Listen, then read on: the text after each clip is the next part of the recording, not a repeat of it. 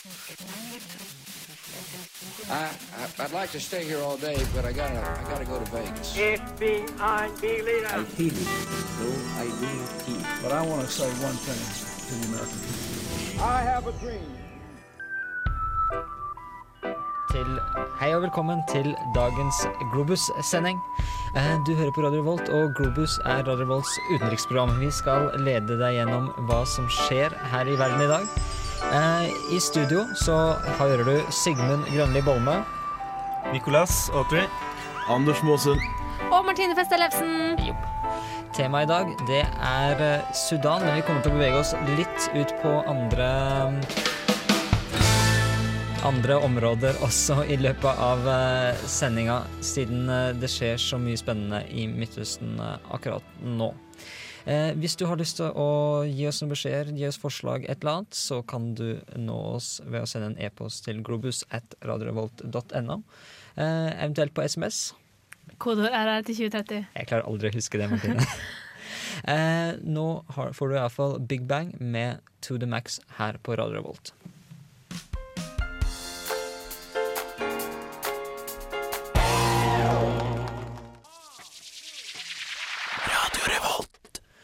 Big Bang med To the Max der, altså.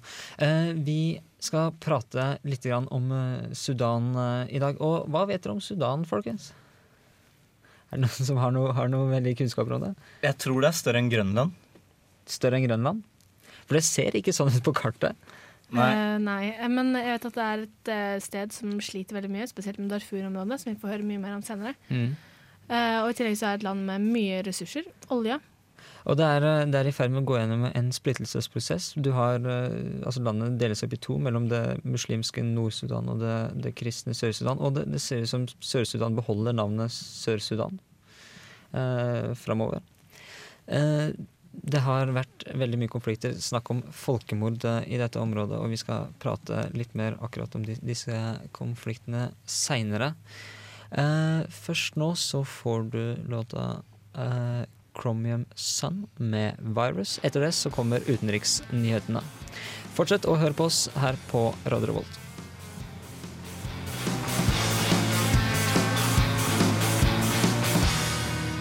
Koalisjonsstyrker har bombet styrker lojale til Gaddafi for fjerde dag på rad.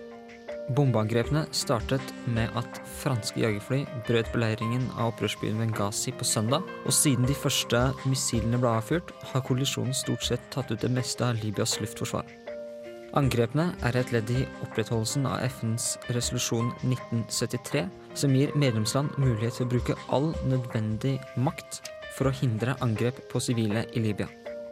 Resolusjonen var foreslått av Storbritannia, Frankrike og Libanon med sterk støtte fra USA, og den ble stemt gjennom natt til fredag med ti for og fem som avsto å stemme. Det var ventet at Russland eller Kina kom til å vetoe forslaget, men disse to landene valgte altså å avstå snarere enn å stemme imot. De tre andre statene som avsto fra å stemme, var Tyskland, India og Brasil. Og alle tre mente at det var for mye usikkerhet rundt planen og hva som ville oppnås med angrepene mot Gaddafi. Nettopp spørsmålet om hva som skal oppnås med militær intervensjon, har plaget de allierte de siste dagene. Det ser ikke ut som verken europeere eller amerikanere har lagt noen plan for hvordan angrepene mot Gaddafi skal organiseres, eller hvordan ikke-flygningssonen skal opprettholdes. Det er også usikkerhet innad mellom britiske militære og politiske ledere hvorvidt Gaddafi er et legitimt mål.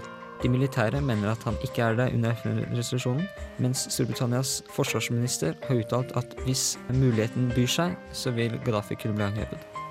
Det er ventet at ved siden av britiske, franske og amerikanske styrker, så vil stadig flere andre land hjelpe til med patruljeringen av libysk luftrom.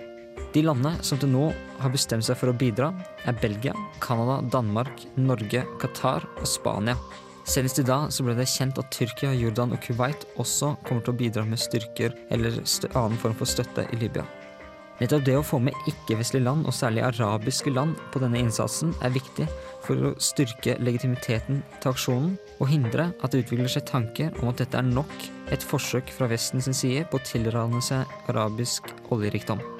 På tross av en FN-resolusjon så har nemlig koalisjonen allerede blitt beskyldt for å være opportunistiske og imperialistiske, og særlig oberst Gaddafi selv har forsøkt å vinkle historien i denne retningen. Det er allikevel liten tvil om at flyangrepene har blitt godt mottatt av opprørerne og mesteparten av det libyske folket.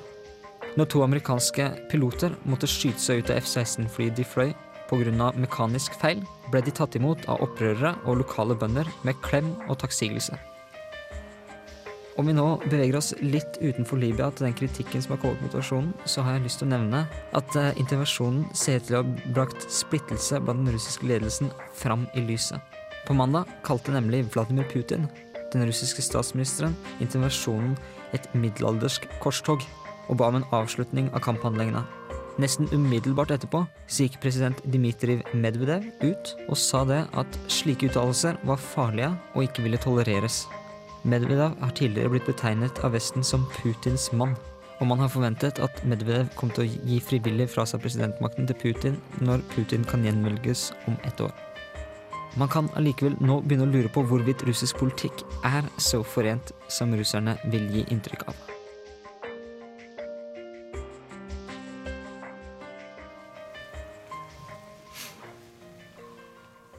Det var eh, utenriksnyhetene som dere hørte der. Eh, Du sa akkurat 'gå medderen', eh, Niklas. ja, jeg sa det. Heier du på Medvedev? Um, sånn framfor Putin, ja. Han er på, måte, på mange måter en, en bedre kandidat uh, for, for Vesten enn, enn det Putin er. Og det er litt spennende å se at der man tidligere har trodd at Putin har full kontroll over hele det russiske parlamentet og russisk politikk, så begynner Medvedev å utfordre den lite grann. Mm. Men uh, vi, vi snakka så vidt om det tidligere før sending. At, uh, for at de, de Diskusjonen her er for at eh, Putin sier én ting, og Medvedev da um, irettesetter den. da. Og Spørsmålet her er om dette her er da en maktkamp mellom eh, to sterke menn, eller om det rett og slett er eh, et politisk spill for eh, galleriet. da. Eh, slik at, ja, eh, Om det da enten da er en slags opptrapping mot valgkamp der begge to har lyst til å være president, eller at det er en eh, sånn vi har lyst til å være venner med Vesten, men også med Østen, da. At Russ, å- Russland prøver å ri på to hester samtidig. Ja, at de har lyst til å, få mer innflytelse i Midtøsten igjen.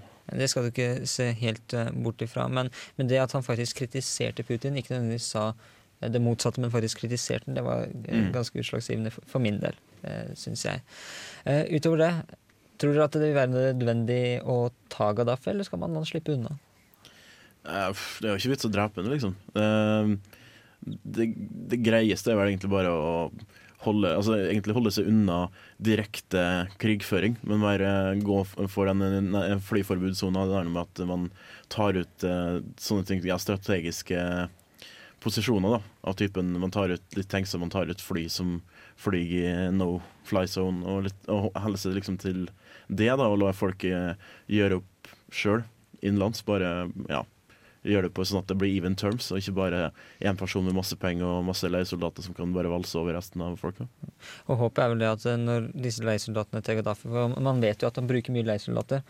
Eh, når disse skjønner at vi, vi begynner å få alvorlige problemer, og hver gang vi begynner å bevege oss, så blir vi bomba, Mm. kanskje de eh, tar beina på nakken og stikker av med pengene de har tjent. Kanskje, um, men som alle gode um, krigere veit, så betaler en ikke folk før de har gjort oppdraget. Um, rett og slett, man, man, man gjør jo ikke sånne ting. Uh, for at um, det er mye billigere å betale dem etter at de har kriga ferdig. Det er sant, og hvis noen har dødd, så er det mye greiere da.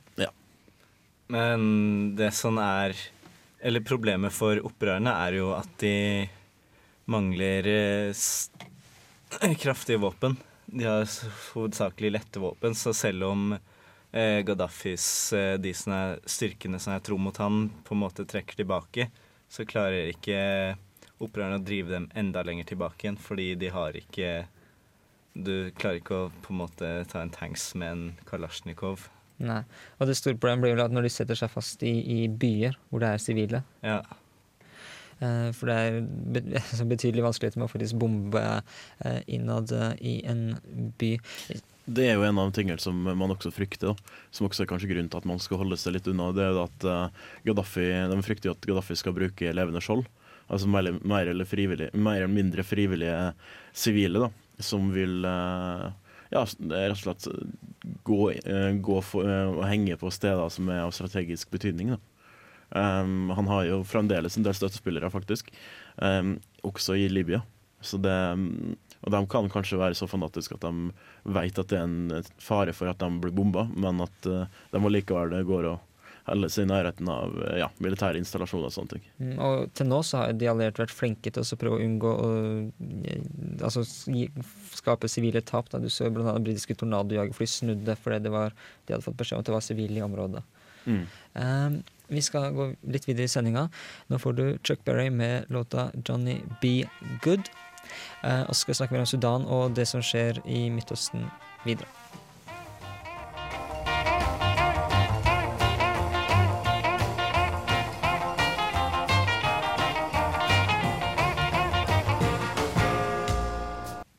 Du hører på Globus eh, her på Radio Revolt. Vi, om, vi skal snakke litt om Sudan eh, i dag, og vi snakker også om eh, demokratiske bevegelsene i Midtøsten, særlig det som har skjedd eh, i Libya med den historiske resolusjonen. Det er 1973 hvor det er faktisk for aller første gang i verdenshistorien at FN faktisk har gått inn for å stoppe et, et folkemord på, den, på denne måten. Eh, og ikke en, en krig da, mellom to stater. Eh, nå, nå ser vi jo Det er ikke bare Libya vi ser, vi ser eh, opptøyer. Du, det er noen som snakker om at Jemen er den neste, neste til å falle. Eh, og at presidenten der allerede har Han har jo faktisk sagt at han kan gå av. Eh, og det er ofte første steget, sånn som vi så eh, med Mubarak. Når, eh, når Sudan skal, skal splittes opp og en, altså en ny regjering skal dannes i Sør-Sudan, vil det være muligheter, tror dere, for at det, disse opptøyene forplanter seg nedover i Afrika? Ja um, Det er ganske vanskelig å si. Sudan er veldig spesiell, et veldig spesielt land, bare fordi det er stort, og fordi det er så, et så stort skille eh, mellom hvilken del som er muslimsk og hvilken del som er kristen, f.eks. Eh, og også litt sånn eh, stammer og litt sånn kultur, kulturelle forskjeller som er ganske distinkte. da. Mens man, eh, man ikke har den samme i mange andre nasjoner. da. Så det, det kan være vanskeligere å få til, også fordi at man har et veldig sånn I mange har man eh, knapt nok regjering, og det man har av regjering, de, de blir jo drept i opprør hele tida uten at det blir noe bedre. Så folk er jo kanskje litt eh, Hvis du ser på Vest- Vest-Afrika, eksempel, da, der har de jo alltid opptøyer. Det som Elfenbenskysten, du har eh, Liberia, du har, eh, du har eh, Sierra Leone. For det ser, Um, ser ut som at uh, i Midtøsten så har du iallfall hatt stabile regimer med altså Mm. diktatorer som har sittet på makta. Uh, I Afrika så virker det ikke som de klarer å, å holde noe stabilt i det hele tatt, nesten. Ja, du har, jo, du har jo folk som har klart det en stund. da. Man har jo, man har jo f.eks. gamle Kongo, eller det som heter Zaire. Der hadde jo en som satt ganske lenge. Han, eh, og så har du hatt, eh, du har hatt mange, sånn som Idi Amin, han satt jo ganske lenge også. Hvor lenge har Mugabe Um, sittet, da? Mugabe har sittet han har sittet eh, siden Begynner å bli 70 noen år. 70-tallet, tror jeg. Eller begynnelsen av 80-tallet. Hvis jeg husker, hvis jeg ikke husker helt feil. Så det, han har sikkert sittet i 30, snart 40 år, han også. Gratulerer til han. Vi får se hvor lenge han varer hvis han fortsetter med uttalelsene som han har. Han eh, kalte oss jo kalte jo Vesten for kors, korsfarere og sa at dette var helt Altså, det- forferdelig. Imperialisme. Mugabe han kommer nok til å sitte til han er død. Han er jo 85 nå. Og han er også lenge etter det òg. Ja. Kanskje, kanskje vi får en situasjon sånn som du har i Nord-Korea, med den evig, evige, evige president. ja, men han har jo allerede tapt et valg da, uten at det så ut som det gjorde noe forskjell. Så Nei, hva var det for noe? De, han banka opp eh, motstandere? ja, han fikk, han fikk pusha bare politiet på ham. Altså, det er jo sånn som eh, ja, Han kan trekke litt paralleller til det som skjer i andre eh, land, eh, f.eks. i Midtøsten. da. Men eh, i Midtøsten så er det kanskje så, såpass nærme at eh, der har vi litt mer interesse likevel. da. Og det, det som går igjen, sånn som jeg ser det, er at det virker som jo mer sivilisert en diktator oppfører seg, jo mindre sjanse har han til å overleve. Sånn at idet du ser det begynner å bli opptøyer, så bør du gå inn og knuse det med en gang. Hvis ikke så vil du, vil du få en, en ganske stygg situasjon. Og så, ja, så er det veldig greit å komme fra et land som folk eh, Eller ja, eh, ha en motstander som folk egentlig er litt- litt usikre på. Som vi skal snakke om senere om bare én. Ja, Men, men, øh, fra en fly guy, Mugabe, til Mm. en annen. Jeg skal dedikere neste sang til deg, Anders. Okay. Det er en sang, Jeg vet du ikke liker den, men Mm. det er The Offspring, The Offspring med Pretty Fly for a White Guy. Hei, det her er Josten Pedersen på Radio Revolt. Radio Revolt, 12 points. Yes. Eh, det var det offspring-stemmen 'Pretty Fly for a White eh, Guy'. Eh, Martine, Ja. du, vi snakker om Sudan da. Du eh, kan lite grann om Sudan. Iallfall et spesielt område. Um, Um, ja, jeg har faktisk jobbet for Norsk Barnehjelp og solgt tegninger fra Sudan til inntekt. Nå vil jeg ikke si, kommentere hvor mye av de pengene som gikk til Sudan. Men uh, det lille jeg vet om Sudan, er jo bare negativt. Uh, nå har jeg laget et innslag om det verste området i Sudan. Darfur, som har vært et stort problemområde siden 2003. Mm. Da bare kjører vi på med det. 300 000 menn, kvinner og barn har blitt drept her. 2,6 millioner mennesker har mistet hjemmene sine. Et nesten utenkelig antall kvinner har blitt bortført, voldtatt og solgt. Darfur ligger i den vestlige delen av Sudan og har siden 2003 vært åsted for en stor geriljakonflikt. Siden den gang har Amnesty erklært stedet for et av verdens verste brudd på menneskerettigheter og en av de største humanitære katastrofene verden har sett. Dette startet da Sudan Liberation Army og Justice and Equality Movement tok de våpnene og erklærte regjeringen for å undertrykke de ikke-arabiske muslimene i landet. På den ene siden i konflikten står det sudanske militæret, politiet og militærgruppen Janjaweed. På den andre siden finner vi ulike opprørsgrupper bestående av rekrutterte ikke-arabiske muslimer. Midt imellom står sivilbefolkningen i Darfur. Regjeringen i Sudan benekter å støtte Janjaweed, men bidrar likevel til gruppens økonomi med øremerkede midler til våpen og utstyr. For å finansiere sine bidrag til angrep på egen befolkning bruker regjeringen penger fra oljeutvinning i landet. I tillegg til våpen som raketter, missiler og automatvåpen bruker regjeringen og dets allierte voldtekter, trusler og brann for å holde innbyggerne nede. Darfur er i dag et katastrofeområde som desperat trenger humanitær hjelp. For å hindre at de mister kontroll over situasjonen, har regjeringen i Sudan gått inn for restriksjoner på alt humanitært arbeid i landet. Som om ikke det var nok, har jevnlige angrep på nødhjelpsarbeidere ført til en stor mangel på humanitære operasjoner. For å overleve i Darfur kan ikke de få som har mulighet til å jobbe humanitært i landet, bevege seg utenfor en gitt sone. Mange veier i landet kontrolleres av Janjaweed og andre militære grupper, og å kjøre feil her vil etter all sannsynlighet koste deg livet i dette området hvor bilen din og det du har på deg, er mer enn verdt å drepe for. Til tross for kunnskap om dette er det likevel ikke mangel på interesse rundt fredsforhandlinger og hjelpearbeid i området. Det er fremdeles tusenvis av sivile og organiserte hjelpearbeidere i Darfur. Darfur er en av Amnesty Internationals største hjertesaker, og FN jobber hardt for å forhandle frem en troverdig avtale om fred mellom partene. Dersom du vil hjelpe eller bare lære mer, gå inn på savedarfur.org.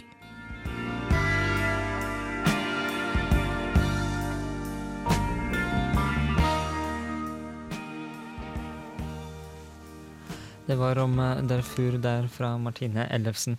Eh, Martine, jeg føler at eh, Sudan på en måte er litt glemt. Det var mye framme i media for noen år siden, men, men har det bedra seg, eller er det rett og slett at eh, fokuset for, forandra seg? Det går veldig i bølger. Um, men problemet er at den sudanske regjeringen jobber imot hjelpearbeiderne. Så det er hele tiden Altså, hjelpearbeidet utvikler seg, så må de gå tilbake igjen. Og så holder de på sånn, og nå har de mista så mye oppmerksomhet at nå har de tapt veldig mye midler. Uh, så de har ikke penger nok til å drive alle de humanitære altså, operasjonene de har lyst til. Uh, I tillegg så er det jo angrep, direkte angrep på leirer og humanitære arbeidere. Mm, for dette, det, dette, altså dette utstyret som de tar med inn i konfliktområdet, og som de skal prøve å gi til lokalbefolkningen, det er vel, sånn som du sier, utrolig mye verdt eh, Ja. i, i et sånt område. Blant annet bilene. Eh, de sliter med å beholde bilene. De blir jo Altså, leirene blir rana av uh, opprørsstyrker, og du Altså, det er jo et stort problem, og spesielt nå, når det er såpass mye annet som skjer i verden, så mister områder som det her veldig mye oppmerksomhet, og oppmerksomhet er alt i en sånn situasjon. Mm. Um, ja, så det er, vi får bare alle sammen bidra og følge med, for det skjer faktisk utrolig mye der nede hele tiden, og det har ikke blitt noe bedre. Eh, Man kan også si at i Nord-Sudan så er det også nå, etter at de har blitt splitta, så er det blitt eh, ganske masse Altså det har blitt mye opprør også i Nord-Sudan, faktisk. Ja, for det at opprørene trekker seg sørover. Eh, og men det, ble jo Det, det snakkes jo ikke om, det, det hører vi nesten ikke om i media i det hele tatt. Og det ble ganske brutalt slått ned av styresmaktene. Det kan bli enda verre, altså. Ja. Eh, vi skal gå videre i sendinga. Vi hører nå eh, Manlize This med Bagan Christ her på Radio Volt. Du hører på Globus. Stay tuned.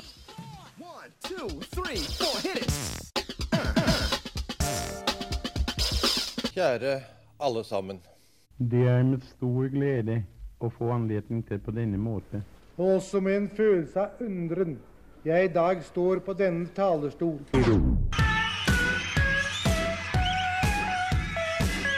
Utenriksnyheter trenger ikke å være kjedelig og vanskelig. Vi har programmet for deg som liker å få informasjon inn med teskje, for deg som kan litt om alt, men ikke mye om noe, og for deg som ikke har noe annet å gjøre onsdag ettermiddag.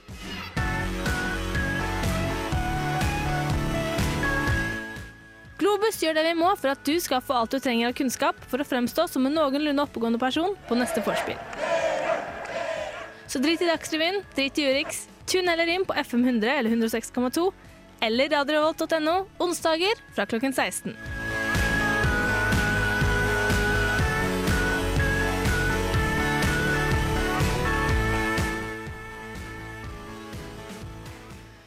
Det helt, eh, selvsagt helt rett, Martine. Du trenger ikke noe mer enn Groobus for å bli oppdatert i dagens Ingenting, verden. ingenting.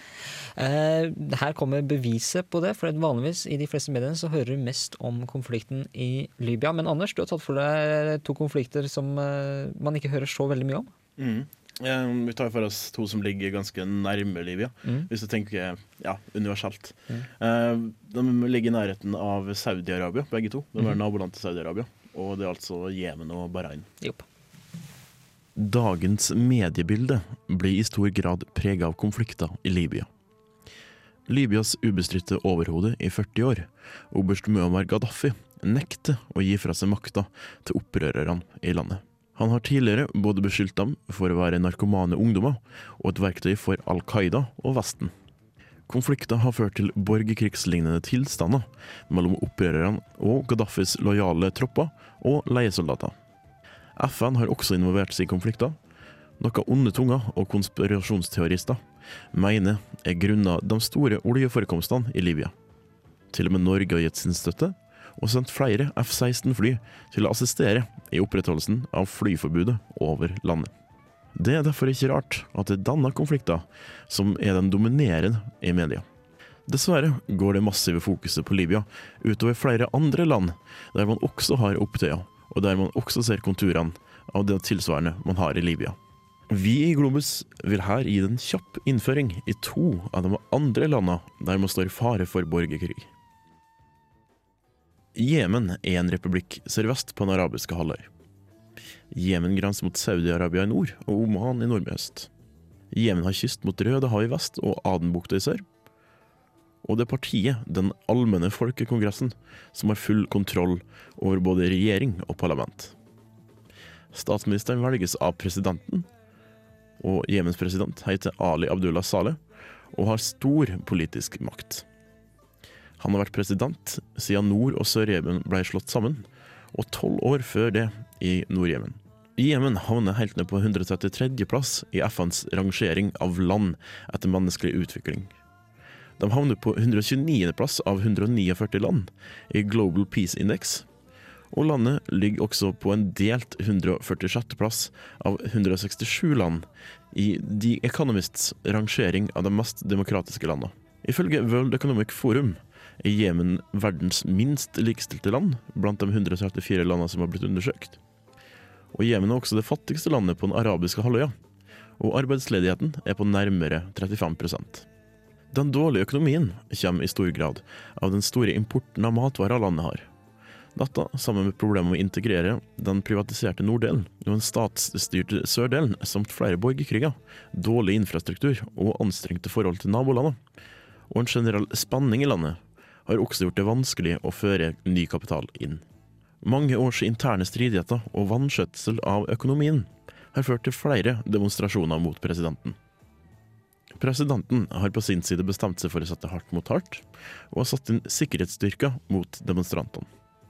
Flere demonstranter har blitt drept i sammenstøter med sikkerhetsstyrkene, og flere nasjoner, deriblant Frankrike, har bedt presidenten om å gå. Flere av presidentens tidligere støttespillere har i det siste gått over til opprørerne, og militære kjøretøy i Sana, hovedstaden, har blitt et dagligdags syn, og man har til og med hatt skuddvekslinger mellom forskjellige hærdivisjoner. President Saleh truer med borgerkrig dersom noen forsøker et kupp mot han, og man frykter at han vil sette inn presidentgarden mot folket. Saudi-Arabia har blitt bedt til Jemen for å megle i krisa, men det har blitt spekulert i om ikke også dem vil at opprørerne skal ta over. Spørsmålet er om president Ali Abdullah Saleh vil godta det. Bahrain. Kongedømmet Bahrain er en øystat i den persiske gulfen. Landet består av 36 øyer, hvor den største heter Bahrain. Hovedstaden Manama ligger på denne øya, og landet er linka til Saudi-Arabia gjennom forskjellige bruer. Bahrain er et kongedømme styrt av al-Khalifa-familien. Parlamentet har to kamre. Det ene består av medlemmer som er valgt av folket, og det andre består av medlemmer som er valgt av kongen. Begge kamre har 40 medlemmer. Siden 1972 har det vært voksende uro og protester blant sjiamuslimene i landet. Sjøl om majoriteten i landet er sjiamuslimer, er det kongen som har all makt, og han er sunni. Den spente stemninga eskalerte i 2011, og man fikk åpenlyse demonstrasjoner og opprørsstemning mot kongen. Kongen har gjort demonstrasjonene ulovlige, og flere har blitt drept i sammenstøt mellom opprørere og politi. Kongen har også fått assistanse fra Saudi-Arabia og De arabiske emirater for å stoppe opprørerne. Konflikter i Bahrain har fått lite internasjonal oppmerksomhet. Foruten Amnestys fordømming av styresmaktenes voldsbruk og FNs fordømming av stengte sykehus. Flere spekulerer i at årsaken til at konflikter i landet i stor grad blir ignorert, er at opprørerne er sjiamuslimer. For dem dere som ikke helt ser forskjellen på shia og sunni, og ikke helt skjønner hvorfor det skal ha noe å si, kan det forklares ganske enkelt. Iran er sjiamuslimsk. Saudi-Arabia er sunnimuslimsk.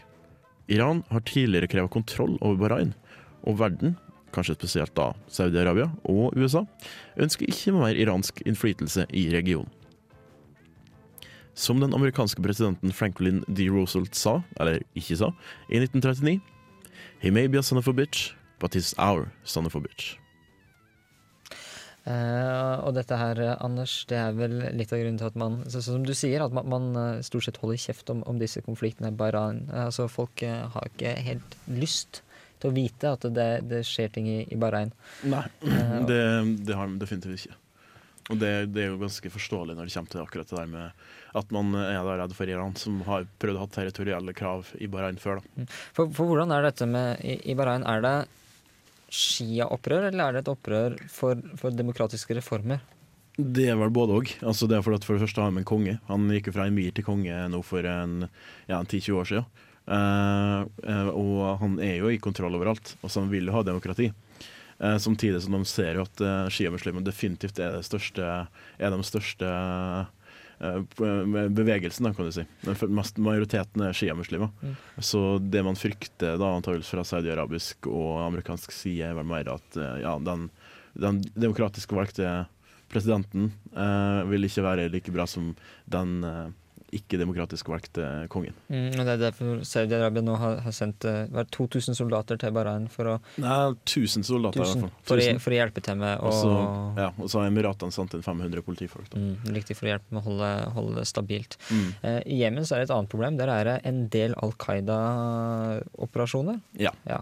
Jemen er et, eh, et eh, land som har vært splitta i mange år, uh, og som da kom sammen igjen eh, for, ja, ja, for slutten av 80-tallet, tror jeg. Og de, der er det, altså av at det har vært- borgerkriger før og vært konflikter før, så er jo det ikke noe infrastruktur, alt, og det er knapt nok uh, ordentlige veier i landet. Uh, og Derfor så er det også veldig vanskelig å ha kontroll over hele Jemen da, og hva som foregår der. Mm. Og der har hatt Al Qaida-ting før. Eh, vi begynner å nærme oss eh, slutten her på Grobis, men først så får du Marvin Gaye med I Heard It Through The Grapevine.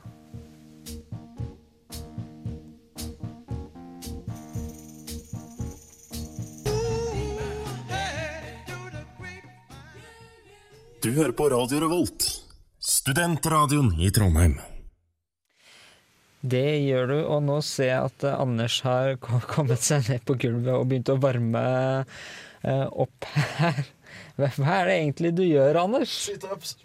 Situps. Hvor, hvorfor det? Fordi jeg fant på noe smart midt på natta i går. Ja. Mens uh, Anders eh, holder på å kose seg med situpsene sine, så tror jeg uh, vi andre i Globus etter hvert bare skal begynne å si ha det.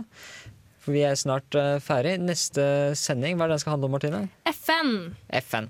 Uh, Med bakgrunn i den historiske resolusjonen om Libya. I studio i dag så har du hørt Sigmund Grønli Bolme. Med meg så har jeg hatt Nicolas Sautry. Martine Ellefsen. og Anders Måsund på gulvet der. Eh, Etter oss så kommer Kontroll Alt Delete, stemmer ikke det? Det skal stemme, i hvert fall. Så bare fortsett å høre på Radio Revolt framover. Nesten helg. På julaften ringer man inn jorda akkurat klokka fem. Hver fredag fra tre til fem. Vi ringer helga inn. Jon, Line, Tom Erik, Olav, Hanna. Siste nytt. Check, Aktuelle gjester. check, Reportasjer. check, Oversikt over alt som skjer i helga. check, Den feteste musikken. check. God helgestemning. Nesten helg hver fredag fra tre til fem. Vi ringer helga inn.